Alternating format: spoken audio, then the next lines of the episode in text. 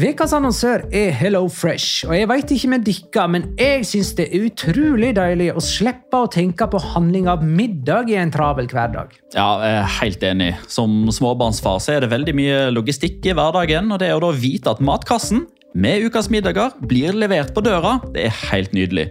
Da slipper du impulskjøp på butikken når blodsukkeret er lavt, og når du kommer hjem, kan du bare ta ut posen med dagens ingredienser fra kjøleskapet og sette i gang matlaginga. Ja, du kan velge mellom 25 ulike retter hver uke. Og de har faktisk en egen kategori som heter Raskt og enkelt, med masse enkle og gode oppskrifter. Veldig greit å ikke måtte ty til takeaway hver gang det er hektisk på jobb. Jeg gleder meg spesielt til sterk chilikylling i min neste kasse. Jeg blir sulten bare av å tenke på det. Ja, Det er ikke feil med bacon og cheeseburger heller, da. Og det som også er bra, er at matkassen koster det samme hver uke, som gjør det enklere å holde matbudsjettet. Ja, og så blir det ikke matsvinn heller, fordi du får akkurat det du trenger til hver eneste rett. Hello Fresh kan absolutt anbefales, og bruker du koden vår, LIGALOCA, kan du få opptil 1779 kroner i rabatt på de fem første matkastene hvis du ikke har prøvd Hello Fresh tidligere. Du kan også prøve koden hvis du har avslutta abonnementet ditt for tolv måneder siden eller mer. Gå inn på hellofresh.no og bruk koden LIGALOCA. Bon appétit! Hallo? Jeg kommer fra Oslo politikammer. Ine Jansen er purk. Er du purk? The motherfucking bitch. Alt jeg vil, er å finne ut hva som skjedde med mannen min. Jon Carew. Er jeg sikta for noe? Iben Akeli. Det er du. Ole So, Lars Berrum og Big Daddy Karsten. Hvem sin side er du på, egentlig? Anette Hoff, Tone Danielsen, Kommer du fra Afrika? Jørnis Josef, Nesten. Kløfta. Trond Espen Seim. Det er synd å si det, men det var feil mann som døde. Purk. Premiere tirsdag på TV2 Play.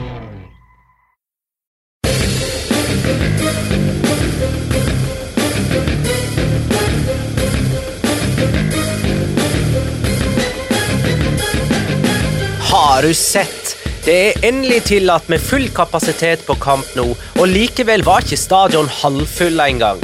Kanskje var det ikke mer enn forventa når lag nummer sju møtte lag nummer ni på tabellen.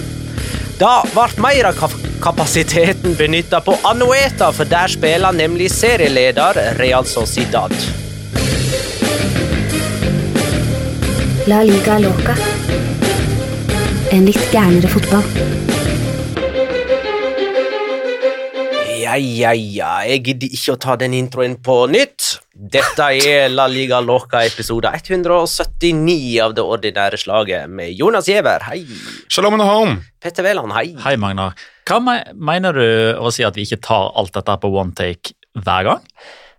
Det har vel hendt at jeg har tatt introen noen ganger. Det har skjedd. Det har ikke jeg fått med meg. Men jeg må si det, Magne, at det er deilig å ha deg tilbake igjen. Altså, for det der eh, bilkrasjet av en episode. Selv om du er litt på Jeg hører at det er litt hosting og snysing og sånn snøfting. Det er altså så mange ganger bedre enn det jeg klarte å levere forrige uke. At tusen, tusen takk for at du velsigner både meg og våre lyttere med å være tilbake med din, din stødige hånd. Og med meg, Magnar Kvalvik, hei. Godt å være tilbake. Fortsatt litt forkjøla. Merker jo at eh, etter halvannet år med eh, antibac langt opp i ræva, så er jo eh, immunforsvaret veldig svekka. Altså, når man først blir sjuk, så blir man jeggu sjuk nå, altså. Mm. Det er vel en sånn type influensa som går nå også, for de som eh, lurer på det. Jeg har hatt samme variant. Jeg sto vel over en episode med noe sånn Valens, Nei, Valen, ja, Valencia er jo en influensa Valencia i seg selv. Ja, ja, Valencia er et virus i seg selv, det, men en, en influensavariant som visstnok er ganske sterk, som ikke er korona. Ja. Ja, Den har ikke jeg hatt. Nei, Jeg trodde kanskje jeg bare var forkjøla òg, skjønner du. Ja, nei, men det er eh, Ligger vel antibac. strak under klassikeren, er da. Takk skal dere ha, gutter. Da, Vær så god, vær så god. Seks dager unna. Eh, lykke til. Takk. Skal vi ta runde ni kamp for kamp, da? Vi kan jo det. Har noen i nesen som klør sånn kjempeveldig. Åh, skal Så du er nyse? sånn her, eh, Levante Retafe! Getafe! 0-0. Nysetippen hele tiden. Du kan nyse deg gjennom Levante Getafe, for det var faen ikke noe å prate om Ja, det hadde vært et høydepunkt hvis noen hadde nyst der. Men høy hva jeg hadde tenkt å si nå. Levante Getafe høres kanskje ikke ut som en kioskvelter, og det ble det heller ikke. Det enda 0-0. Eh, Det er det eneste laget som fortsatt står uten seier. To lag som skifta trener etter forrige runde. Javier Pereira er nå Levante-trener. Kike Sanchez Flores er Getafe-trener. Eh, Og eh, begge er vel sånn happy med å unngå tap og holde nullen i debuten. Det var, jo- det var første gang de holdt nullen, så det, det så jo nesten ut som når de liksom eh, hadde den der eh, vanlige kordiale hilsenen før kamp der, så er det bare smultring, eller? Smultring. Det er så mediokert, de- ansettelsene der. Kan jeg få si det? Altså, Det kan det, det er så kliss fuckings nakent å ansette disse altså, Nå vet ikke vi så mye om Pereira annet enn at han har vært assistenttrener i Levante tidligere, så der kan jo ting faktisk skje. Men Kike Sanchez Flores, ass. Har liksom ikke det gått ut på dato? Det, jo, det har jeg, og, Ja. og det Getafe kan hoppe på, er en sånn her boost, men du veit at han blir ikke der i tre sesonger, liksom. Nei, men hva er, hva er poenget med å ansette sånne trenere som det? Som du, altså, er det fordi at du vet at du overlever, kanskje? Så, altså, hadde det vært at han har kontrakt ut sesongen, og så er vi enige om at du Nå går du, altså, rir du inn i solnedgangen, og så finner vi en litt mer sexy trener enn deg. Greit nok, ikke Sanchez Flores er en pen mann å se på, men det er den eneste pene med ham altså, når det kommer til fotball. Det er utseendet hans, for den fotballen han spiller, og det han har vist i, i La Liga, for så vidt, også i Premier League som over lengre tid, det er så grunnløst kjedelig. Eh, 17 seriekamper på rad uten seier nå for Levante. Ja. Uh, og de skal vel til Ramón Sánchez Pijuan og spille mot Sevilla. Det skal de. Eh, Det minner meg på at da får vi jo faktisk en eh, Det er vel ikke den kampen som går etter El Clásico, men da får man jo El Clásico og Sevilla Levante, aka tennisballkampen, uh, igjen, da. Ja. Kan du forklare folket hva tennisballkampen er? Ja, vi snakka om det for det er ikke veldig mange episodene siden, tror jeg, men jeg kan friske opp uh, hukommelsen. Det er jo altså uh, For noen år tilbake igjen så ble jo kampstart i Sevilla Levante flytta med et kvarter. Eh, altså Kampen starta et kvarter seinere enn hva den egentlig skulle gjøre, fordi eh, man måtte bli ferdig med studiosendinga eh, på El Clásico, som hadde gått rett før. Så Derfor syns jeg det er bare litt morsomt å poengtere at Sevilla Levante går samme serierunde som El Clásico eh, denne sesongen òg. Mm. Alle serierundene er de samme år etter år etter år. Eh, nei. Eh, Real Sociedad Mallorca 1-0. Julen Lobete, matchvinneren for Real Sociedad, som nå altså er La Liga-leder. De har én kamp mer spilt enn laget som ligger bak, men de er òg tre poeng framfor de jagende. Vi kan snakke mer om eh, Real Sociedad etterpå. Da kan det jo hende at vi nevner Mallorca òg. De var i en bisetning. De var på banen, i hvert fall. Rayo Vallecano Elche 2-1. Rayo har vunnet alle sine fire heimekamper og er på sjetteplass i La Liga. Eh, Her snudde de kampen etter at Boya, eh, Boye hadde sendt Elche i ledelsen. Mario Hernandez og Enteka skåra for eh, Rayo. Førstnevnte debuterte i La Liga i denne kampen, i en alder av eh, 22. Eh, Og fremdeles er det bare Real Madrid som har flere skåringer enn Rayo denne sesongen. Radamel Falcao spilte ikke etter å ha vært på landslagsoppdrag med Colombia. Han satt vel på benken hele kampen. Han var eh, i oppvarming, og det var det nærmeste jeg fikk, eh, fikk se han ut på banen. Men det er kul den benken, syns jeg, til Sitter og ser på den nå. Der har du liksom Lucas Zidane, Nicola Marash, Radamel Falcao, Mario Suárez, Randy Nteka, BB, Andres Martin. Det er liksom, det er, det er litt sånn navngjetent. Patesis, som jo har blitt en uh, sleier i dette studioet. Det har han. Kevin Rodriguez også, for de som husker han. Det er det ikke så mange som gjør. Uh, Eirik Kornen er jo Elche-fan. Han spør hvordan enkeltspiller er det størst sjanse for at koster sitt lag et nedrykk, og hvorfor? Uh, jeg ser på deg, Kiko Kasia, skriver han i parentes. Han øh, pff, Ja.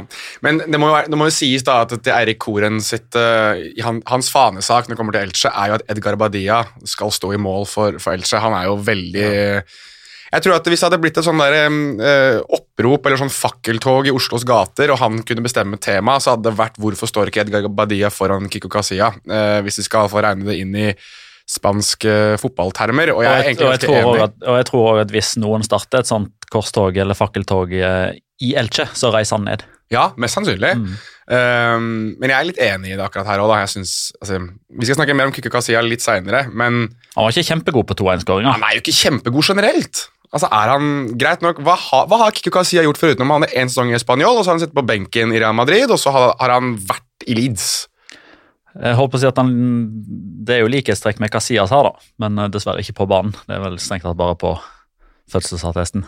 Ja, Og mangler en bokstav, liksom. Ja. Ja. Er kanskje det som eh, gjør at folk blir litt blinde når de ser på Kiko Casillas. Så tenker de oi, han må være god. Var det han som sto da Real Madrid vant sin tolvte eh, Champions League-tittel? Var det han som tok uh, den der innbyttertavla eller den der tavla fra dommeren og vridde det over så det bare sto tolvtall? Og så han sto ned på sidelinja i de siste sekundene og venta på at dommeren skulle blåse av med med sånn stort tolv? I 2017 Ja. Nei, han var vel ikke i Var han så lenge i Real Madrid? ja, det må han ha vært.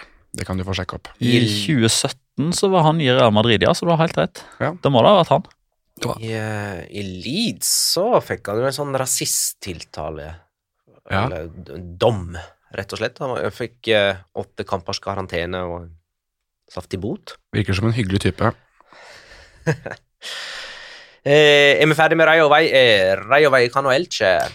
Ja, jeg har ikke så veldig mye mer å si annet enn at jeg syns det er like gøy hver eneste gang å telle hvor mange søramerikanere de klarer å dytte utpå samtidig. her. Det var ikke like mange denne gangen, men jeg syns uansett at um, Jeg blir mer overrasket når det ikke er en søramerikaner som skårer mål for Elche, enn når det er en søramerikaner som skårer for Elche. Og det er ikke bare det, men de har så utrolig mange ulike nasjonaliteter også.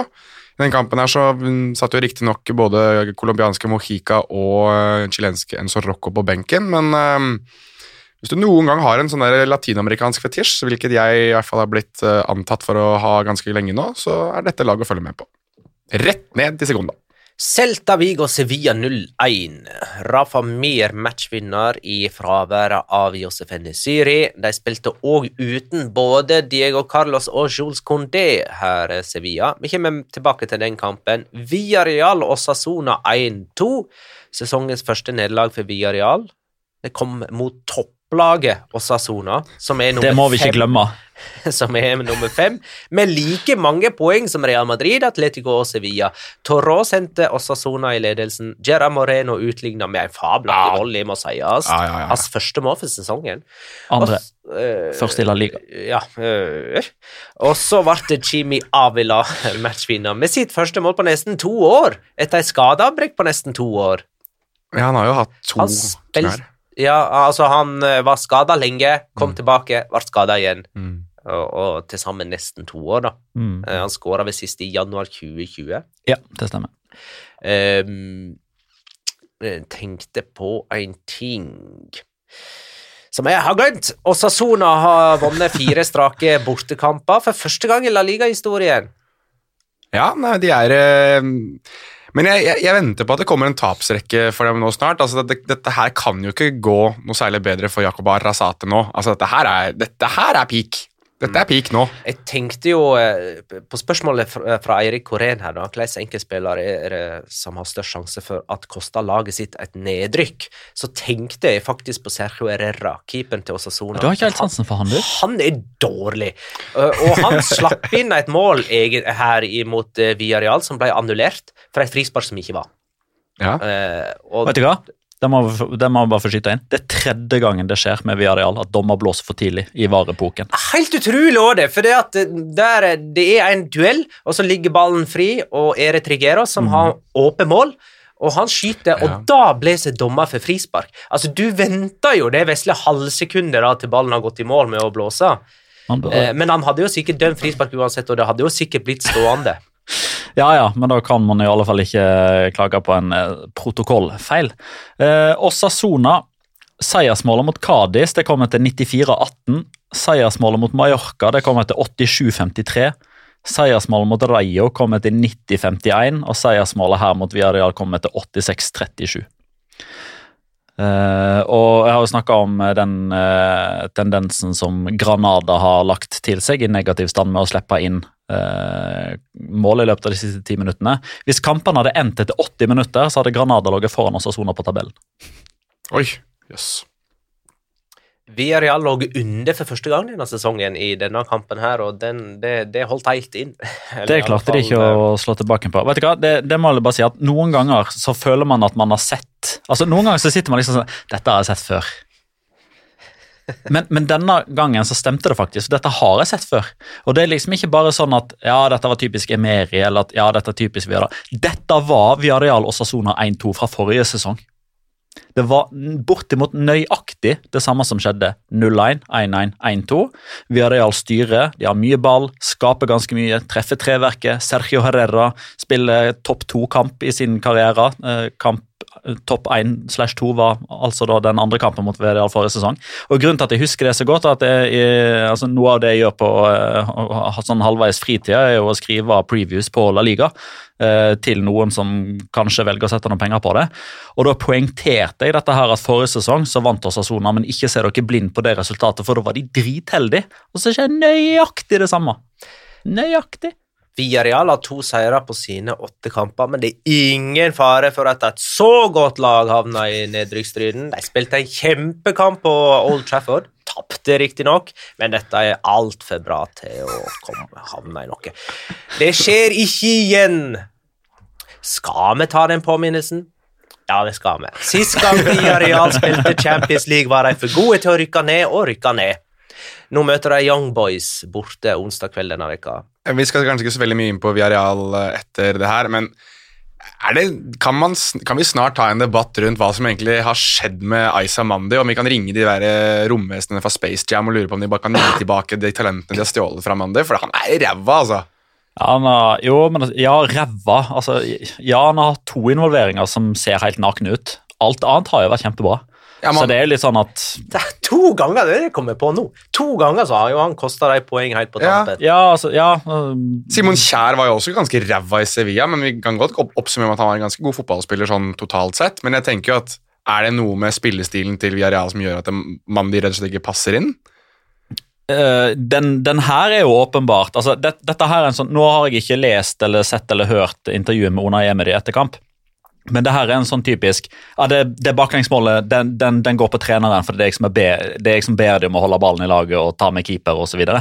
så det er jo helt åpenbart at uh, Aisa Mendy og Pau Torres, Raúl Albiol, uansett hvem som spiller stopper, den ballen der skal tilbake til keeper. Ja. Enkelt og greit, men han misser jo bare. Ja, han bare bør, misser. Men, uh, ja, ja, han ja. bare misser. Ja, og, og Villarreal bare taper kampen pga. det. Jo, han må jo slutte å spille tilbake til egen keeper. Ja, Strengt tatt så bør vel Unai Emery slutte å la Raúl Albiol sitte ja. på benken når han først er i troppen. Er han i troppen, så kan han spille. Vet, vet du en som satt og nikka anerkjennende til den involveringen fra SM Ander? Ramiro Fones Mori. Syns det var helt greit. ja, ja, nå slutter de å tenke på meg. Det er helt riktig. Det er helt riktig. Eh, siste kamp så langt denne runden er Barcelona-Valencia 3-1, der eh, Gaia var tilbake for Valencia og hamra dem i en tidlig ledelse. Men Ansu Fati er tilbake for Barcelona. Han skåra, skaffa også straffe som Memphis Depay skåra på. Filipe Coutinho er tilbake òg for Barcelona. Han skåra Eh, og Barcelona eh, sørga for sin første snuoperasjon for sesongen. Vi kan ta dette nærmere i Augesund seinere. Alaves Real Betis blir spilt mandag kveld. Det samme gjelder Español Cádiz. Nå blir de to siste da spilt? Ja, det lurer jeg på. Granada Atletico Madrid er utsatt. Eh, Atletico har viktigere ting for det, for å si det sånn. De møter Liverpool tirsdag kveld på Wanda Metropolitano. Real Madrid Atletic Club var òg utsatt. Real Madrid møter Sjaktar tirsdag kveld. Det er vel ikke, ikke ja, altså i Ukraina? Kharkiv, er det fortsatt der de spiller? De landa i Kiev i dag. Bytter, altså de bytter jo det dritofte før Vi måtte jo til Kharkiv, Jonas, Vi har vært på Kharkiv. rundturen vår. Men det var jo fordi Sjakta Donetsk spilte sine hjemmekamper der da. Ja, men jeg tror de flytta året etter så flytta de til en annen stadion i Kiev. De kan iallfall ikke spille i, uh, i Donbas, det, det, får du ikke lov til. Det er jo fortsatt krigsherja, vel, eller i hvert fall uro. Så de, de er ikke der, men jeg vet ikke hvor de er hen. Jeg lurer på om ikke de flytta jeg, året etter. Petter. Ja, De spiller nå faktisk på Olympiastadion i Kiev. Ja, riktig. Da var det det. Hmm. Er ikke det litt som at eh, Barcelona skal spille sine kamper på Santiago Bernabeu? Jeg skal være helt ærlig med deg. Ukrainsk geografi er jeg ikke god på. Nei, men Jeg tenker ikke geografi. Nei, altså, jeg tenker på det at det er rivaleri at de spiller da på Dinamo Kiev sin hjemmebane. Ja, jeg tror ikke det er like De er nok rivaler, ja, i form av at de er store klubber. Bare spekulerer du i Ja, men jeg, men jeg tror ikke Sjaktar Men Sjaktar har jo ikke hatt en så lang og liksom å si, prestisjetung historie. Sånn, sånn, altså, ja, men de siste 20 årene så er det jo de to. Ja, det er nok ja, altså, er... Har, altså, En sjelden gang så har Nipro duppa huet opp, og så Soria Luhansk med et lite hårstrå. Hva skjønner at det ble Liga Ioka, en podkast om Vrysja-liga. Ja, Vrysja-liga. Eh, jeg har lyst til å ta dette eh, innlegget fra Bjerkan, Mikael Bjerkan. Eh, dere kan melde at La Ligas beste spiller spiller i La Liga Smartbank. Altså Segunda? Eh, og nei, jeg tenker ikke på Perinho, selv om han er høyt der oppe. Er det noen som veit hva han eh, mener? Eh, altså, basert på min Twitter-historikk og kjennskap til Mikael Bjerkan, så tenker han nok på Jonathan Viera. Lurer på det, òg, skjønner du. Det er nok det. Det var jo eh, Canari Derby i Segunda denne helga her, med Las Palmas mot Tenerife. Er ikke Jesse heller? Kan det være? Det er ikke Jesse, han. eh, Men jeg elsker at du bare name-dropper en sånn ran, Ikke helt random, han spiller jo for Las Palmas. jeg hadde veldig lyst til å Ja, men Jonathan Viera. Ja. Mm. Vi begynner med serieleder. Real Sociedad, som altså slo Mallorca 1-0. De mangler her, Real Sociedad, eh, f.eks. Oyarzabal, deres beste spiller. Eh, de mangler flere. De hadde en ganske lang skadeliste. I tillegg så har jo Isak Han starta jo, men eh, han har jo hatt et tøft program med Sverige. Uh, Alexander Sjølholt har vært skada, kom inn i den kampen. Ayen Munoz ble utvist før pause, på stillingen 0-0. Eh, og så vinner de eh, likevel eh, kampen, Real Sociedad. Akebrett eh, spør jeg, er det realistisk for Real Sociedad å klare topp fire denne sesongen? Det spørsmålet der er jeg veldig sikker på at vi ble stilt forrige sesong òg, da Real Sociedad leda ligaen da de hadde sånn tre kamper mer spilt enn de som lå på andre, tredje, fjerdeplass. Altså, Real Sociedad har nå like mange poeng uh, som etter ni serierunder forrige Ja. Mm. Jeg, altså, Ja, ja. Jeg, altså, altså jeg, jeg skal ikke si at jeg husker hva jeg svarte da. Det, eh, har du notert det ned noe sted, eller? Jeg husker hva jeg sa. Jeg sa at hvis de skulle utfordre om ligatittelen, så var det forrige sesong, for det var en sånn rar sesong, var det jeg sa da. Det, Ja, for da snakker vi om ligatittel. Ja. nå snakker vi om topp fire, eh, som jo er litt lettere, eh, eller mindre vanskelig. Eh, jeg vil jo si at noe av det som eh, sånn tradisjonsmessig sett i La Liga-sammenheng, da eh, Real Sociedad har det viktigste på plass nå. Og jeg må klype meg sjøl litt i armen nå. Altså, det de har, er jo defensiv soliditet. Spesielt på hjemmebane. Altså, De har jo spilt 450 minutter nå uten baklengs. Eh, jeg tror eh, altså Den som har ganna Aisa Mendy, han har gitt alt til Robin Lenormand. Eh, for han ser plutselig ut som en million. Altså Han sitter jo nå og har sånn én-til-én-intervju med Garate og andre sånne Real Sociedad-legender. og liksom bare, ja, Hva er det som gjør at du er så god nå, da? Sitter folk og spør eh, Robin Lenormand om noe. Ja, det er eh, inntil tre vokser inn i himmelen, Petter, det greiene der kommer til å gå så jævlig til helvete. Nei, nei, nei, men, Men eh, de har jo òg sluppet inn flere mål nå enn de hadde på tilsvarende tidspunkt forrige sesong. Har de det? Ja, nei. Ja, men det, er det er jo primært Det har jo kommet i bolker, da. Eh, altså tre baklengs mot Barca, eh, to mot Granada uten at det gjorde noe, for de vant uansett. Mm. Altså Grunnen til at de tar mye poeng her nå, er at de klarer å kalle det dosifisere skåringene, sånne, skåringene sine, sånn at de alltid skårer ett mer enn motstander og dermed får tre poeng. Oppa, altså, Så det er ikke 5-0 her, 4-0 der og 0-3. Altså Det er 1-0, 1-0, 1-0. Ja, du, du nevnte jo at de har holdt nullen i alle heimekamper. Ja. Mm, og der har de jo vunnet fire 1 eh, Altså, de har vunnet fire kamper 1-0, og så Ja. spilt 1-0-0. Så de har skåra fire mål på fem heimekamper og tatt 13 poeng. Ja. Det var helt Og, latterlig. og det, det, er- altså, ja, det er jo helt enormt. Eh, og Forrige sesong så holdt de nullen seks ganger totalt på hjemmebane. Ja, men så, så de har snart allerede liksom tangert det. Ja, men æres den som æres skal. Altså, jeg snakket mye dritt om Robin Lenormand, men jeg er enig med deg. Altså, han har vært uh, veldig, veldig god Ja. så langt denne sesongen. Jeg tror ikke det kommer til å holde, men han har vært solid. Ja. og Jeg er på vei litt altså Vi skal snakke kanskje litt mer om han etterpå, men akkurat der er du nå. Jeg begynner å komme i samme gata med Ogo Giamon.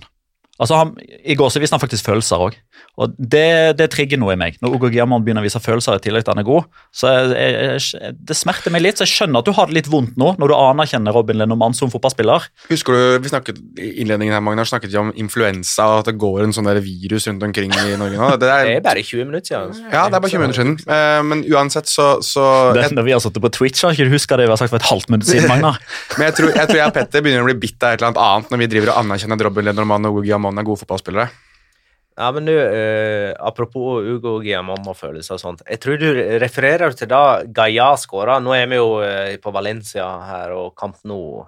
Eh, Men al altså at, Nei. Nei. det var faktisk det at han, eh, han fikk ikke frispark og drev og protesterte ja. litt. Nei, for jeg så han jubla for Gaia-skåring med åpen munn. Eh, og jeg syns det var så fascinerende at han, han hadde åpen munn, men likevel helt uttrykksløse øyne. Ja, ser du! Det, det er Ser du! annet Du har et poeng Ja. der. Det var liksom bare sånn Han er som en tegning, da. Du, du, du liksom Du kan eh, Med illustrasjoner så er det vanskelig å uttrykke, uttrykke følelser i øynene, Ja. men du kan gjøre det med, med munnbevegelser. Ja, det, er, det er veldig godt sagt. Og apropos tegning. Eh, tegneseriefigur. Husker dere hvordan den svære bikkja ser ut i Tom og Jerry? Han som alltid mister kjøttbeinet sitt. Altså. Ja da. Er det bare meg, eller er det et snev av den bikkja der i eh, Gonzales Fuertes, dommeren som viste ut Ayen Munoz? Der har Gonzalo Der- Fuertes for alltid blitt en hund. Gonzales er- Fuertes. Der har Roar med Skarre-R en jobb å gjøre. Ja, SoMe-ansvarlig må på jobb. SoMe-ansvarlig Roar med Skarre-R. Der har du en eh, Photoshop-jobb. Men usikre fortsatt på Real Sociedad, da? Topp fire? Ja, men, jo, men litt i forlengelsen av det Jonas sa uh, i stad. Ref. seriegull forrige sesong. Skal det noen gang skje, så er det nå. Ja. Det er jo òg litt sånn Skal det altså, altså Ikke noen gang, det har jo, det har jo skjedd før. Eh, ikke så mange sesongene siden heller. Var det 2013-2014 eller noe sånt? Eh, altså, Sevilla plukker jevnt og trutt poeng uten å overbevise. Det samme kan man si om Atletico Madrid. Real Madrid begynner å vise litt svakhetstegn nå. Barcelona er svakere enn på lenge, selv om de slo Valencia nå. Valencia ligger for langt bak. Atletic ser ikke ut til å være kapable til å være så gode. Villarreal har havna på etterskudd allerede.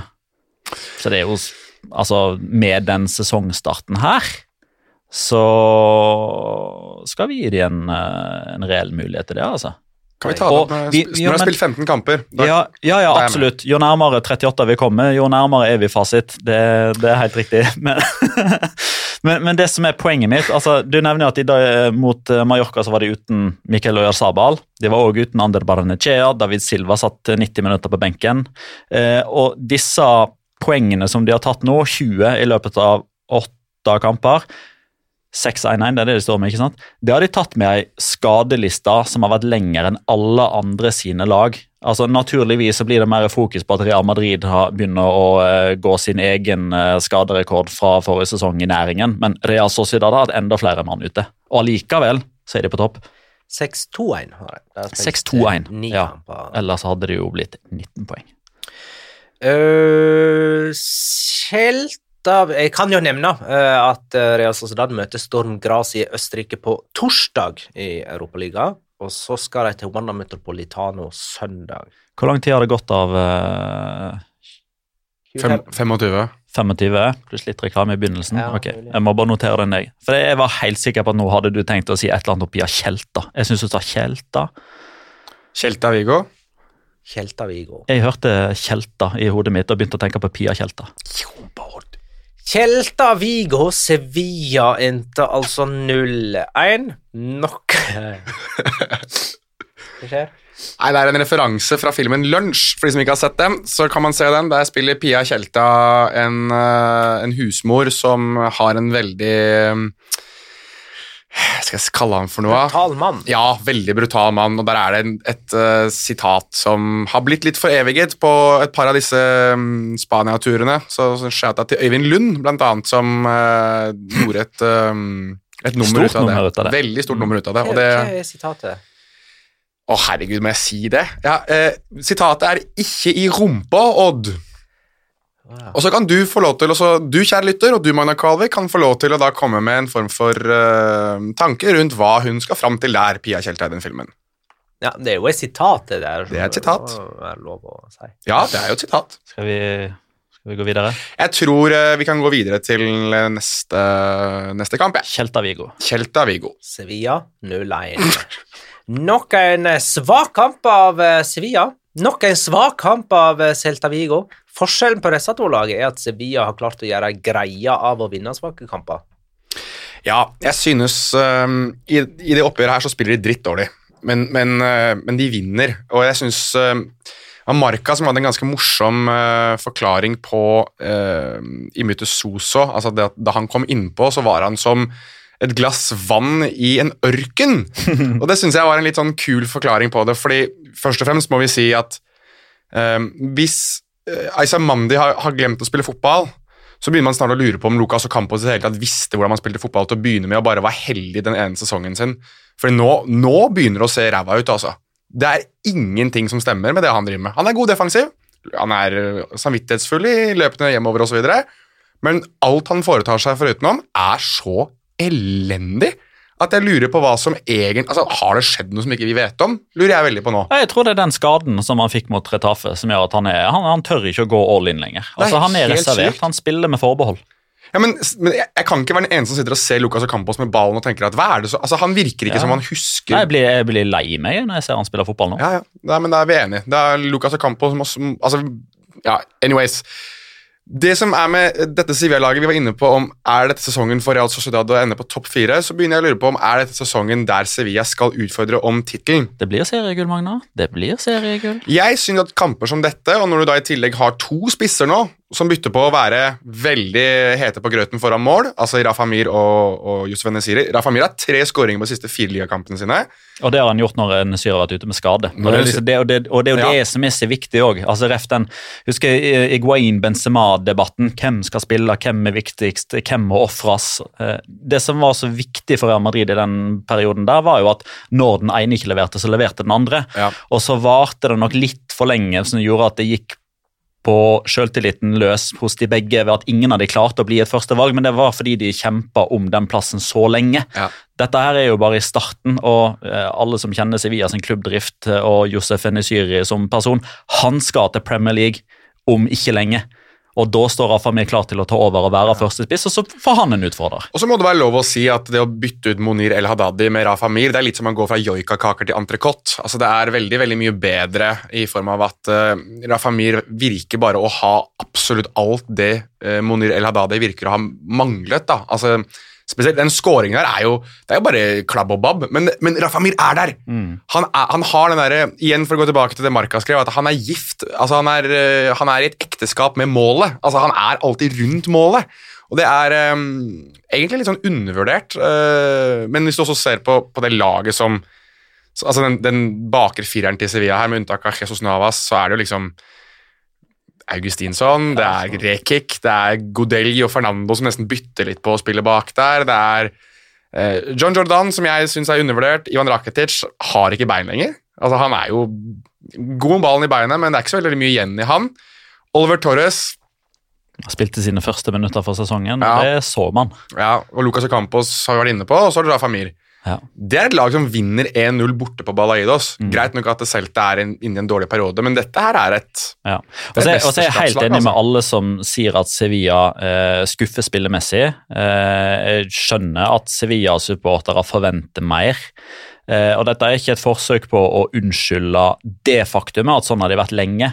Men akkurat i denne kampen her så skjønner jeg at de tyr til ikke ekstreme virkemidler, fordi eh, altså den kampen her går ikke inn, inn under dette her med effektiv, lite effektiv spilletid og masse drøying osv. Der syns jeg Sevilla klarer å holde seg langt innenfor det som er både lovlig og akseptert, men de innbyr ikke til en eh, underholdende fotballkamp. for Hvis dette hadde blitt en underholdende fotballkamp, så er det noe som i så tilfelle gagner et lag som har Iago Aspas, Nolito, Santimina, Brais Mendes, Denis Suárez kontra de som du ramsa opp i stad. Så akkur akkurat den kampen her, når Julian Lopetegi ser på hvem er tilgjengelig, hvem er ikke tilgjengelig. For Du nevner at Condé er ute, Diego Carlos er ute, Josef Enesyri er ute. I tillegg så starter jo Marcos Sacunia på benken fordi han er dødssliten etter å ha løpt Sør-Amerika rundt, nærmest, for Argentina.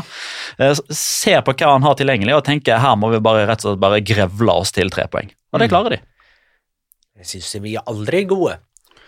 Men så er Magna, kom igjen, da! De er jo ikke det. Jeg, kanskje mot Valencia. Der, er- Ja, der var de veldig gode. Var, det var en bra Sevilla-kamp. var en veldig, veldig god. Men eh, en annen ting er at det er ingen som er gode mot Sevilla heller. Det er alltid to dårlige lag på banen når Sevilla spiller. Ja, men Er ikke det litt fordi Sevilla er gode? At andre lag blir dårlige? Ja, de, de, de er gode til å gjøre andre dårlige. Det er sånn de vinner, for, for følelsen. Høres kjent ut. Atletico Madrid vant en ligatittel på blant annet det i 2013-2014. Det Vi ser gjør ikke ikke dette her, Sevilla. Magna. Vi Det gjør ikke Sevilla. Nei, jeg tror, jeg tror Men- Sevilla kan vinne seriegull. Mm, ja, det gjør de ikke. Eh, men Nei. de, de har bare tre baklengs på åtte serierunder. Og, og Ja! Lukter seriegull, dette, Magnar! så få mål har de aldri sluppet inn etter åtte serierunder. Ja, blir- Aldri, faktisk! Nei, dette blir seriegull. eh, Nå sånn. vil Sevilla vinne seriegull. Sevilla vinner Kan ikke, kan ikke en annerledes. La Liga-mester 2021-2022 er Sevilla. Du har hørt det her først. For lenge siden, faktisk. Ja, du har egentlig Nå er, nå er jo selvfølgelig Barcelona-Real Madrid vår tippekamp. Men det hadde vært interessant med Sevilla Levante som vår tippekamp til, til helga. Altså. 0-1. Levante ødelegger alt. 0-1! Vi sitter her Ja, og jinxer det. det, det ville ikke ha overraska meg i det hele tatt. Innen den tid så skal Sevilla møte Lill på onsdag i Champions League. Når det gjelder Celta Vigo, så har de like mange poeng nå som etter ni serierunder forrige sesong, og da sparka de Oscar fra trenerstolen. Da var vi jo kommet til november, det var seinere sesongstart. Eh, Roar med skerr, skerre-r, eh, faktisk. Skerre-arr, får vi nesten si det. Eh, mandag om to uker starter sparka trenerdelen av sesongen for Celta Vigo. Men hvilken dato kommer Kodett til å få sparken? Nei, jeg står på at han sitter. Ja, det gjør ikke han. Eh, eh, er- Mm, nei. jeg, jeg tror at han får sparken, og det gjør han etter Ja, et Uff, vent nå litt. Ja, jeg tror han får sparken etter Etter at de taper mot uh, Getafe Ja, neste men da er det faktisk um, fortsatt ikke november. Og det må være november, ja. 28. oktober, det. Ja, ok. De spiller det 25, Men, det kan, men det, det kan jo hende at styret her trenger noen dager å tenke på. da, At 1. november så er De spiller kamp mandag 1. november, eh, borte mot Raja Vallecano. Ja, jeg tror han får sparken etter det tapet der, jeg, Ja. og så har de ny trener til møte med Barcelona 7. november. Så 1. november 2. november, sier vi. Dagen etter blir det offentliggjort. Nei, vi ser ikke det. Du sier det. Jeg sier at han fortsatt er trener i, det, i desember. Jeg, bare for å gå imot Magnar, jeg sier at han får Barcelona-kampen, fordi da er det landslagspause. Baron. Ja, så i løpet av neste landslagsveka Ja. Mm. De gjør som Retafe og Levante. Jeg tror det. Jeg bare skyter inn da med en ørliten forklaring på hvorfor jeg tror at hvor dette ikke får sparken. Det er jo fordi han har et poengsnitt som er 1,5. Det er ganske bra, det. Ja, altså Nå har han ikke Renato Tapia. Han var jo også, løp jo også Sør-Amerika rundt nå nylig. Så Nei, han var skada.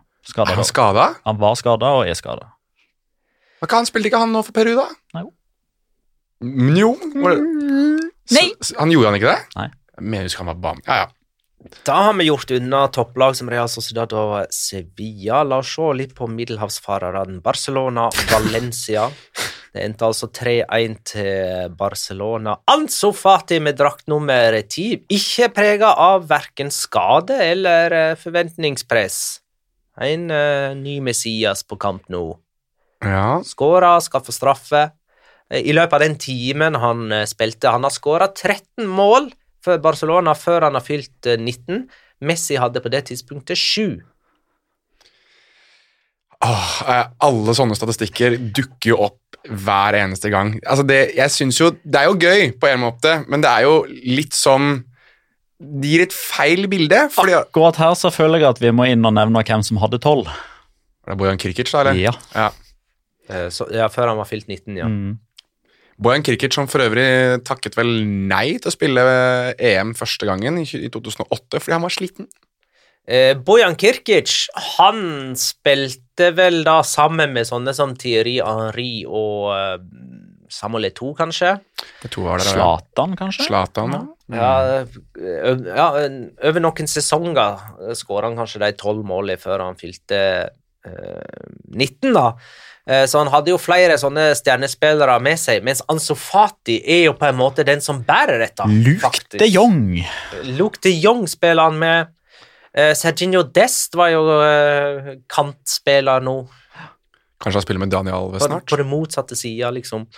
Så det er, jo, eh, det er jo litt mer en følelse, for meg i alle fall, at Ansu Fati han, han eh, tar dette på eget initiativ, mens Bojan Kirkic fikk ting litt mer lagt opp for seg. Jeg tror, jeg, tror vi, jeg tror ikke vi skal sammenligne Bojan Kirkic og Ansu Fati mer enn det vi har gjort akkurat nå. Det er jo det jeg mener med at det er statistikker. Er det ikke det som jeg husker ikke hvem det var som sa det, at det er tre typer løgner, og det er løgner, jævla løgner og statistikker. Eh, jeg husker, Det er en veldig kjent person som, sa, som har det sitatet, så jeg skal ikke stjele det. Men, ja, eh, og så er det jo også sagt at eh, statistikk det er som skjørt. Det er som skjørt. Mm, det er som et skjørt. Viser ganske mye, men det skylder det viktigste. Ja. Jeg trodde det Jeg trodde, var noe jeg trodde vi skulle fram til noe annet her. Men uh, ja, det er godt at du påpekte det, Petter. Uansett, uh, jeg føler ikke at uh, sammenligningsgrunnlaget Messi Ansofati er helt appellerbart akkurat Nei da. nå. Det er greit. Men det som er appellerbart, er jo likheten mellom uh, Messi Ja, vi har snakket om at Messi har masse signaturskåringer fordi han har skåra 93 000 skåringer, så han har jo 12 500 av hver type skåring. Eh, men akkurat det der med å starte bredt ute, invitere til veggspill, få den tilbake igjen og curle den i lengste pet touch altså, Dette var en speilvendt Messi. Det var det. Og det er jo litt, litt gøy at det også skjer i første hjemmekamp med publikum igjen, øh, selv om det åpenbart ikke var så mange. Nei, det var, var fe- 50 kapasitet de hadde. Var det, jo. Ja, det ikke, var det ikke Nei, de hadde 100 kapasitet, Ja, ja, det var og 50% møtte opp. ja. Kapasitet. Skal jeg få lov, Kan jeg få lov til å komme med en, en teori på hvorfor? Det er egentlig ikke helt ennå. Ok, Vi kommer, vi kommer til det. Okay. Mm, eh, vi må ta dette spørsmålet fra Rasmus Jacobsen først. Hvem skåra flest mål av Vinicius Junior og Fati etter 38 serierunder? Ansu Fati. Jeg, jeg, må- jeg, vent litt jeg, Ja, jeg skal burde bare- selvfølgelig ha skrevet ned overskrift og sånt eh, allerede. Jeg er helt enig med deg, eh, Magnar. Bare sånn, men jeg, jeg vil bare ha Episode 179 uh, Vini versus Fati. Vi har loggført at Petter Wæland også er mannen som i sin tid sa at da Ansu Fati debuterte for Barcelona, at eh, han kom til å få de to eller tre kampene han fikk, og så kom det ikke til å bli noe mer. Nå tipper han at han skårer mer for Barcelona enn det da 50 millioner euro-spilleren Vinicius Junior Konseptet Vinicius kan du ta med der. ja, Konseptspiller verdt 50 millioner eh, euro Vinicius Junior gjør for Real Madrid. Ja. Bare hadde loggført. Bare hadde loggført. Det var ikke noe mer enn det. Ja, hvem sier du skåra flest av Vinicius og Fati etter 38 serierunder, Jonas? Nei, jeg sier jo Ansu Fati, da. Det er jo det Tre av tre, svarer Ansu Fati. Fantastisk. Ja da. Mhm. Jeg tror det er en lavoddser, sånn uh, for de som eh, bedriver slikt. Men ja, 47 000 tilskuere på kamp nå. Unn Marit datter Tjelta, spør jeg. Jeg tuller ikke. Nei, Nei, vi kjenner, Hun er Patrion. Vi kjenner godt til Unn. ja. Husk det at du kan gå Aktiv inn på på, patrion.com. slash liga loca. Der kan du få kontroll og være med i Patreon. Der snakker vi jo fotball eh, nesten håper å si, døgnet rundt, eh, med mest om, eh, om spansk fotball, selvfølgelig. Og, og Unn Marit her, der snakker masse om atletikk. og mm, erger seg og gleder seg over deres sesong. Hun har jo uh, pledga 100 kroner per Injaki Williams-skåring på San Mames. Hun har det. Mm. Så, Det er jo fantastisk eh, initiativ. Eh, Ja. Og Danitello 80, Raúl de Tomàs, Español har jo han forplikta seg til. Så det går an til å gjøre det òg, altså. Eh, hvis man har lyst til å støtte, men på en litt sånn morsom måte der man ikke helt veit hva man må ut med til slutt. Eh, ha litt spenning på veien. Og hun spør Blir det fullt på kamp nå med det første, eller er færre fans på kamp en mer varig utfordring for Barcelona? ja, altså Første kampen som kommer nå, da, jeg verdt å ta med, det er El Clásico. Der blir det nok fullt. Dynamo Kiev først, vel. Aller først i Namokiev. Ja, der blir det ikke fullt. Der blir det ikke Der har de allerede gitt ut rabatterte eh, billetter. Ja, ja. 30, 30 Men hvis det ikke blir fullt på El Clásico, eh, hva da? Det Jeg, gjør det. jeg føler ikke meg helt trygg på det. Føler ikke meg helt trygg på Det Nei. Det er ikke det saftigste El Clásico. Nei da, altså Det var Manns minne. 47 317 tilskuere til stede. Det er 47,62% av kapasiteten, altså det var halvfullt. Um, men jeg legger jo merke til at Sport har skrevet en artikkel om nettopp det. Uh, det er jo, altså, dette er jo åpenbart uh, en, det er jo nyhetsverdi i seg selv at uh, halve stadion møter opp når Barcelona for første gang på halvannet år kan åpne portene for alle. Mm. de skriver at det er noen såkalte formildende omstendigheter, og det er at det er uh, 26 238 sesongkortinnehavere som har bedt om at deres sesongkort blir fryst pga. økonomisk usikkerhet, altså personlig økonomi, pga. at de har fått eh, mindre arbeid, de har blitt permittert, de har mindre å rutte med, og de velger da å ikke benytte sine penger enda på å kjøpe sesongkort, og da har de heller ikke billett. Eh, det som òg har skjedd, er at det visstnok er en, eh, en sånn greie som heter Asiento Libre. Det er et sånt konsept der eh, sesongkortinnehavere, hvis de vet at de ikke har muligheten til å gå på kamp, eh, så kan de da gi beskjed til klubben x antall dager før kamp om at eh, jeg skal ikke benytte meg av mitt sesongkort, legg det ut for eh, salg til publikum generelt. Det systemet er ikke oppe og går ennå, pga. at ifølge klubben da, så var det for kort frist fra denne 100% kapasitet grønt lys-greia kom, til kampen ble spilt.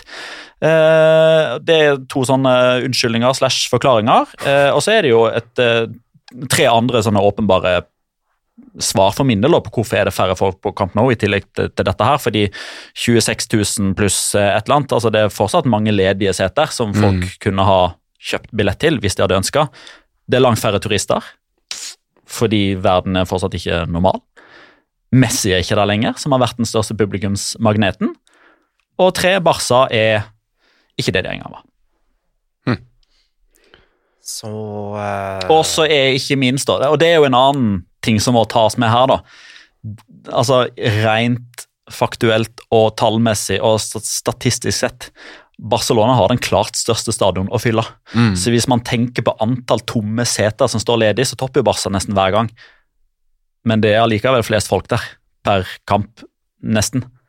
Utelukkende. Uten at det er noen forklaring. Du tok, eller mitt, du tok mitt poeng. Jeg, jeg, vi har jo alle vært på disse største stadionene. Det er mye turister, ass. Det er ikke Du drar ikke til Santiago Bernabeu eller Camp Nou eller Old Trafford eller Anfield eller Allianz Arena eller Allianz Stadium for å se, hvor å oppleve kjempegod fotball, kultur, supporterstemning. Det er kanskje ikke de stadionene du drar til for å oppleve det. Det er veldig mye turister som skal ha det sjekket av på en eller annen bucketlist at de har vært innom disse stadionene og sett kamp. Noen, noen er jo åpenbart eh, bedre og Ja, bedre enn med andre. telefoner, med kamera og med plakater og Ja, ja. Please give me your shirt. Når jeg har blitt uh, It's my birthday. Ja. ja, alle bursdag tre ganger i samme uke og sånn. Ja, vet du hva? Det var det. Apropos liten avsporing, sorry Magnar. Jeg husker ikke om det var ISPN ESPN eller om det var Olé eller var altså amerikansk eller søramerikansk medie som hadde sett på en eh, Det var for noen år tilbake, jeg lurer på om det var Olé, for det var på Monumental, eh, altså hjemmebanen til eh, River Plate. River Plate. Da hadde de eh, i løpet av en måneds tid så hadde de avbilda samme person tre ganger. Tre forskjellige kamper. Han hadde bursdag hver gang. Kan jeg få lov til å avspore en gang jeg også i forbindelse med dette? Veldig kjapt. Um, største historien nå i chilensk fotball er jo Ben Brereton Diaz, som åpenbart var engelskmann, har blitt uh, chilener gjennom sin mor. Veldig sånn lang og hyggelig historie som du kan søke opp på. Men er det han Brereton som altså, spilte han Han har spilt i Premier League, eller? Han er i Blackburn. Han er i Blackburn nå. Han eh, var i Nottingham Forest, og så er han i Blackburn nå, og så scorer han bare Han tonnevis av debuterte i mål. Copa America. Ja, det er han Brereton. Det er han Brereton. Han er jo, hans mor er chilener, og det er jo en sånn lang historie. Uansett, han er blitt uh, folkehelt i Chile. Og Da var det jo en, uh, en person som hadde skrevet på en sånn plakat tatt med på stadion, hvor han hadde skrevet Ben, if you give me your shirt, I will give you my dick. Ja, Det er bare sånn for å ta med han skrev det. Han skrev det. Det er en mann som Og det er bilde av det ute på, på nettet. At det Ja. er en mann som skrev eh, det. Give me your shirt, and I'll give you my dick. Vi skal ikke glemme at vi fortsatt egentlig snakker om Barcelona-Valencia. uh, debut for uh, Kun Aguero for uh, Barcelona. Da, han, da rakk han akkurat El Clásico før han stikker videre til MLS. Kjapp quiz versjon 1. Nevn to eldre debutanter for Barcelona på 2000-tallet. Hvor gammel er han? 31, 2, 2, Eh, Det har jeg ikke skrevet ned her. 2, 2 tror jeg. Jeg kan sjekke kjapt. Sjekke kjapt. To, eh, eldre. To. To 33 er han. 33 år. 30, 33. Pinto! Nei, Ok. Nei, jeg måtte prøve. 33? det er utespillere. Å ja, du, de er utespillere begge to? Ok, mm. 33. Uh, eldre For disse her Vidal og sånt, det var jo ikke Paulinho og sånt, de var jo ikke Nei da, de var ung, gamle. ung, ungfoler eh, sammenligning. Ikke Kevin Prince Boateng heller, i så fall. Og Nei, det, det er tidligere enn dette. Det er tidlig 2000-tall. Oi, vanskelig. Ja, det er vanskelig. Vanskelig. Det er en franskmann og en eh, italiener. Gianluca Sambrotta. Nei, Eh, og og Albertini. riktig. Han er den aller eldste. Og så er det en franskmann. Mhm. Franskmenn, da. Ludovic Julie er det ikke. Nei. Tyrianeri er det ikke. Nei. Uh, Erika Bidal? Nei. Å, Lilian Turam! Yes! Hei. Sterkt, eh, Well done! Jonas. Kommer en ny quiz om uh, et par minutter. Vi er gode på quizer i disse dager. Uh, Sebastian Sirnes lurer på om Coutinho er tilbake i varmen om, og, og han starta El Clásico. Nei, Da blir jeg overraska altså, hvis Coutinho skal inn og spille fra start, bare fordi han eh, nesten holdt på å snuble vekk ballen eh, uten å ha blitt mannsmarkert i tolv sekunder på. Hvordan forsvar er det, da, Jonas? Ja, hva tenkte du på da?! Ja. Nei, altså, altså, der får eh, Coutinho stå helt alene på femmeter, og han er faktisk i ferd med å rote vekk muligheten. Ja. Og det er den skeiveste forsvarslinja eh, jeg har sett eh, så langt denne sesongen, her, og det var altså Valencia som varte opp med den. Og det, det var med Diakaby der. ja, er ikke det forklaringa, det? Alderete var jo ute. Ja. Ja. Gabriel Paulista var der, Ja. ja. Diakaby var der, Marcos André var der og, Og gjorde ikke jobben sin etter balltap. Og så var det Jonas Mosa som til slutt skjønte altfor seint. Ja, jeg går gjerne tilbake til samme forklaringen hver gang når Valencia gjør en feil forsvar. De har ikke noen forsvarssjef når ikke da tidligere Garay og nå Alderete spiller. Alderete er eh, den som har den linja snorrett. Det er ingen andre som tar det ansvaret bak der. Det er forklaringa. En av forklaringene kan også være at Valencia har hatt 11 ulike trenere de siste 13 gangene de har besøkt kamp nå. Det var quizen min. Nevn de elleve. Mm, ja, hva er det? Ja. Ja, det vi begynner på. Emeri, og så Ja. er det Pellegrino. Mm. Eh, f- hvem var det som uh, tok over etter han? Djokic. Nei, det var før det igjen. Herregud. Ah, ah, Djokic var ikke før Nei, men Emery. Dj- Djokic var aldri trener på Camp Nou. Nei, Han hadde hjemmekampen. Gary Neville. Riktig. Det er ikke riktig rekkefølge, men Cesare Prandelli. Nei. Han rakk ikke. Nei. Våro, da. Han må være inn der et eller annet sted. han hadde en eh, av disse Ja, så har du jo uh, Celades. eh, Albert Celades, Og eh, Havi Gracia. Javi Gracia, Marcelino. Marcelino Kan Ronald Koman være inni her? Nei, Nei, nei. nei. Men uh, han som satt i Nuno går. Espirito Santo. Espirito Santo. Men, men så er det en, det er en uh, portugiser til Ja. som eh, Er Bordalas her? Ja, han satt i går. Ja. Mm. En portugiser med bakovergredd, eh, brunt eh, hår. En sånn eldre fyr. eh, Ja, er han portugiser? Argentiner. Argentiner. Så har vi sagt Pellegrino. Og uh, Pizzi. Ja. Pizzi. Juan Antonio Pizzi. Og så skal vi til mannen som har tapt flest kamper på rad i La Liga-historien som Paco trener. Riktig. Der tok vi alle. Det var ikke så galt, det, da. Mm, mm. Da uh, kårer vi rundspiller. Nei, du, hallo, vi må, jo nevne, vi må jo nevne den incidenten som alle prater Som står på forsider i Spania, og som har skapt furore. Det var, jo- Var det var jo straffe. Var det straffe til Gaia? Ja, ja, mot Gaia, ja. Eller for, altså for Ansufati på taklingen? ja. Ja, jeg syns det. Ja, jeg er ikke sikker. Jeg er ikke sikker. Jeg syns Nei, eh, men det er lov å være usikker, og da er det vel kanskje ikke så mye å diskutere. Nei, jeg bare- jeg bare, ser at, jeg bare ser at det skaper veldig stor debatt. Jo, men det er vel ikke så sto andre store straffesituasjoner å diskutere i Spania denne helgen, da? nei, men altså Erik er Garcia og Hvor mange straffesituasjoner var det i helgen? Det var, det var ganske få. Vet du hva? Vet du hva? Nå skal jeg nevne alle VAR-situasjonene som har vært til nå denne serien etter seks kamper. Kom igjen, det er én eller to. Ingen? Nei, ok, greit. Nei, Pe- Ingen nei, eh, Petter- Petter- VAR-situasjoner. Det, det er litt rart, for egentlig hver scoring er en VAR-situasjon. Jo, men for å presisere, da. Eh, antall ganger VAR har vært delaktig. Ja, grepet inn, mener du. Ja. Ja. Mm. jeg mener at Så, øh, jeg mener fall- da, og, og det der eh, Da, da bare plukker media sin situasjon også. Og ingen er og faktisk Faktisk, Nå syns jeg faktisk faktisk det har gått forbi Madrid- og Barcelona-pressen. Valencia-pressen er helt jævlig, altså. Det er helt jævlig. ja, ja. Skal ingenting til før de roper Robo og Varguenza. Altså, ja, men, det- Varguenza, den er fin. men, men det kunne fra enkelte vinkler se ut som at Gaia var på ball og bære ball, eh, men så kunne det fra andre vinkler se ut som at det var altså Fati som var på ballen. Ja, jeg er Dommer har dømt eh, straffe, så, så blir det vanskelig å omgjøre det. Nei, Det var ikke sånn skrikende what the fuck-straffe, det der, altså. nei, jeg, jeg, jeg, jeg, Så nå nå eh, kårer vi runden. ja, det var i hvert fall nevnt. Eh, jeg tror Petter sa at du hadde nummer tre på Ja, jeg har rett og slett bare valgt uh, Chimi Avila, jeg. Eh, rett og slett fordi det er en, uh, det er en La Liga Loca-favoritt. Uh, vi har jo snakka varmt om Chimi Avila tidligere. Vi har snakka om at han benytta transportmiddelet hest til trening når han var liten, og at han har ikke har hatt den letteste veien til toppen. Når han har kommet til toppen, så har han jo vist at han er fryktelig god og så er det kneskade ganger kneskade ganger kneskade som gjør at han eh, ikke blir snakka mer om enn hva han faktisk eh, blir. Eh, på Twitter i sommer, når han begynte å dunke inn mål etter mål etter mål etter mål etter mål etter mål etter mål, etter mål i treningskampene, så sa jeg spenn fast sikkerhetsbeltene.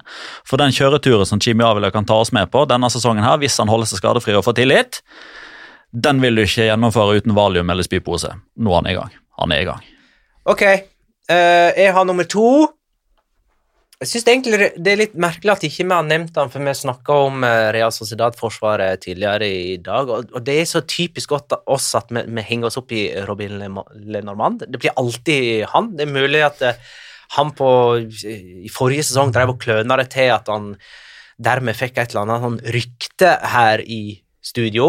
Eh, og så har han på en måte spilt seg opp nå, og dermed så føler vi oss skyldig i eh, å berømme han. Men Aritz Elustondo er nå vel sjefen i det forsvaret der, og eh, etter eh, mitt syn en av hovedårsakene til at de holder nullen i hver heimekamp. Så Aritz Elustondo nummer to.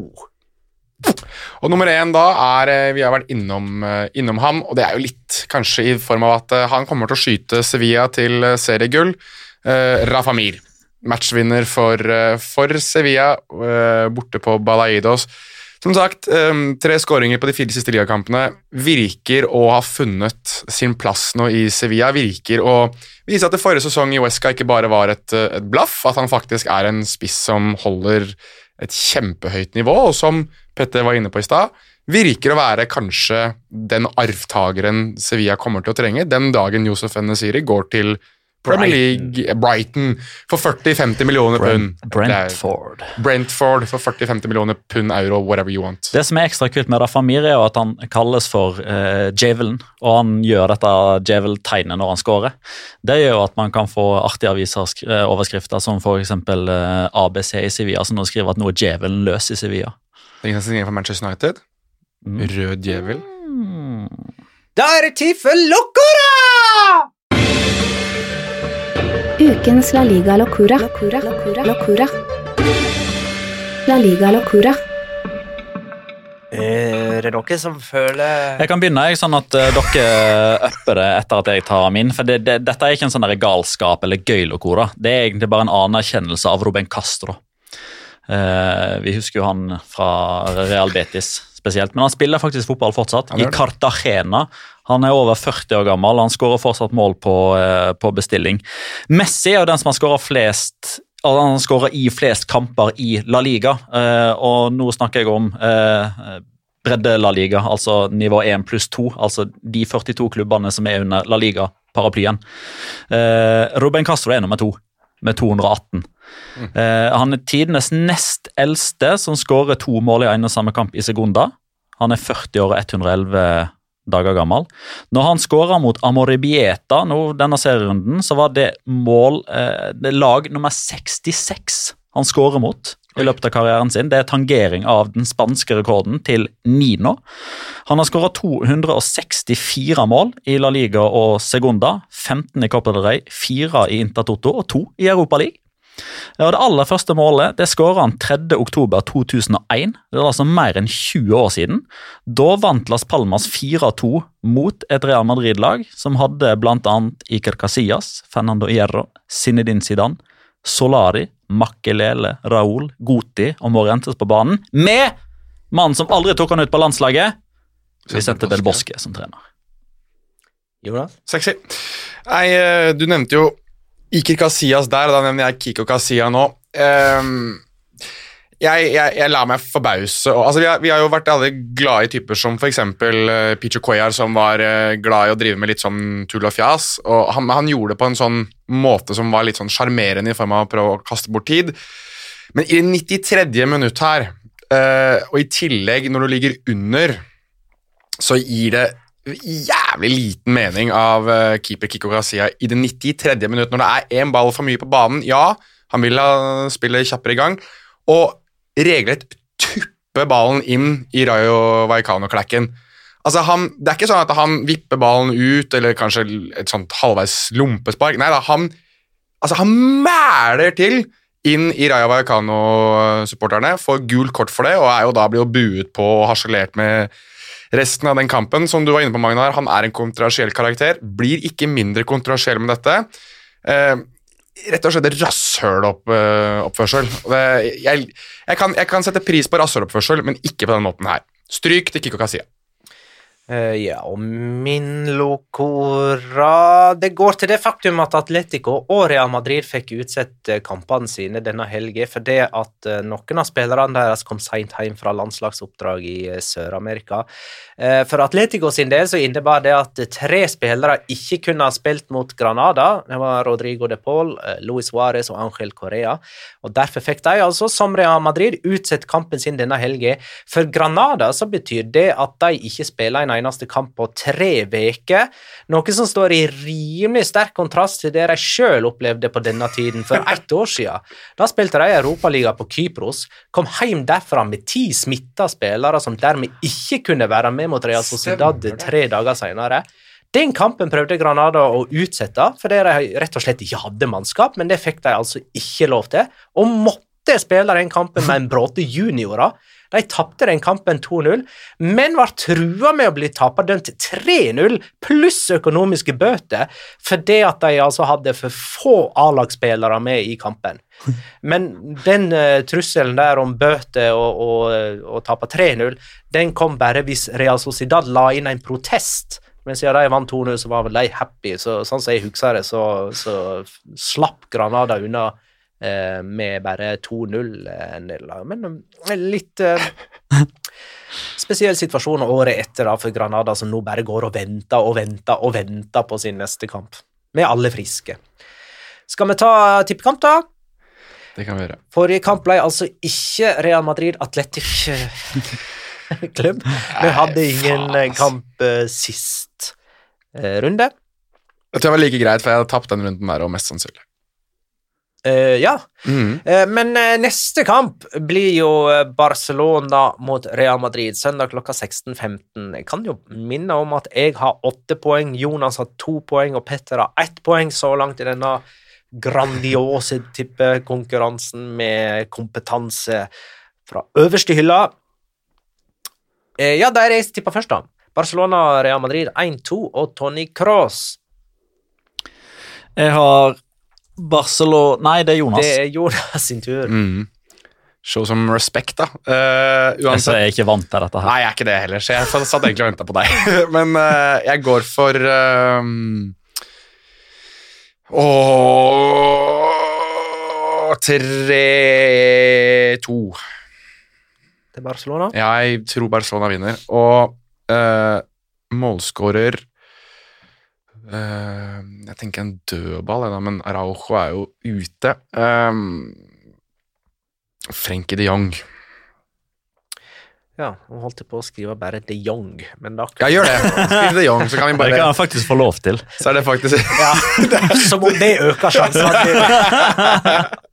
Jeg vurderte Aguero, faktisk. Jeg er helt ærlig. Men ja, nei, Frenkie de Jong. Vi prøver oss. Jeg klarer å blande de to hele tiden, så Ja. det blir Frenkie. Jeg tar eh, 2-2 Ansofati, da. Så vi har en som tipper Real Madrid-seier, en som tipper Barcelona-seier, en som tipper uavgjort. Så uansett hvordan det går, så hadde noen i La Liga Orca rett. Ja.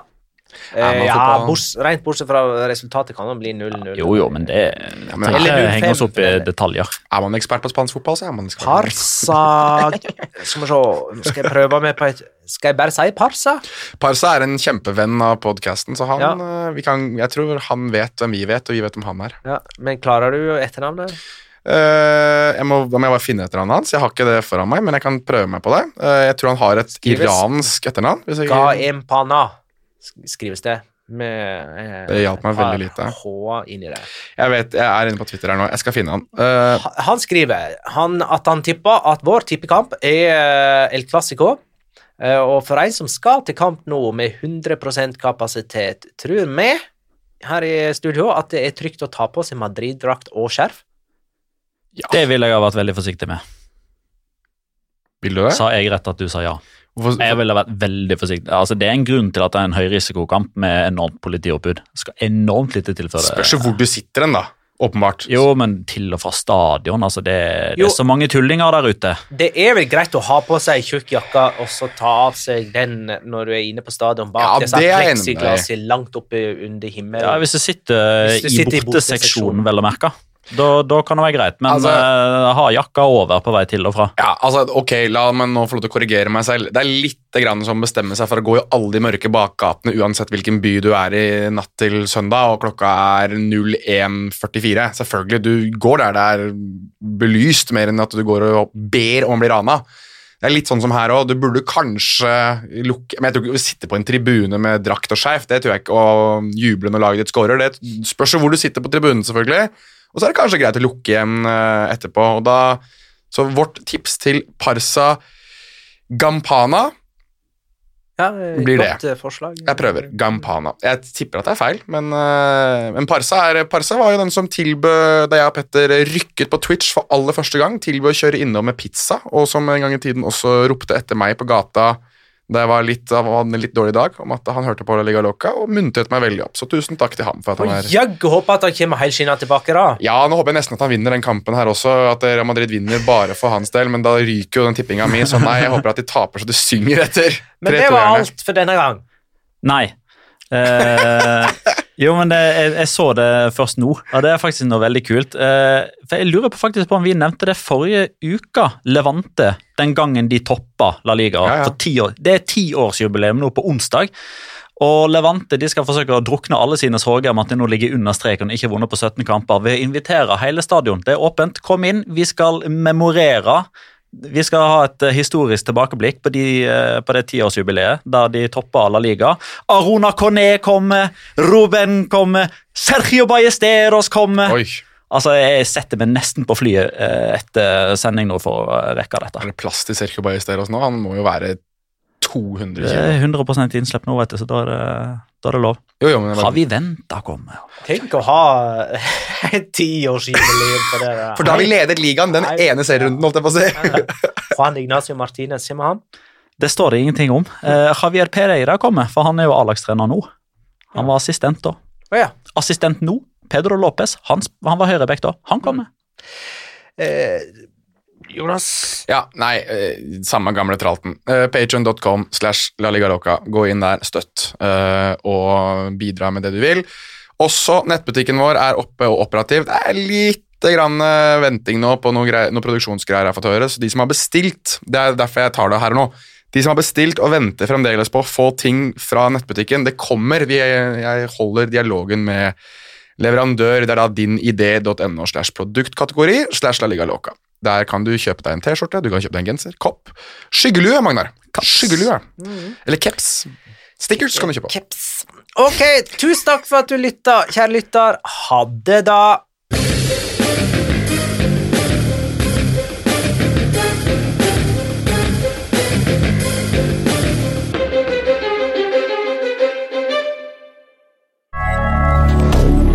Moderne media. Har du et enkeltpersonforetak eller en liten bedrift? Da er du sikkert lei av å høre meg snakke om hvor enkelt det er med kvitteringer og bilag i fiken, så vi eh, gir oss her, vi. Fordi vi liker enkelt. Fiken superenkelt regnskap.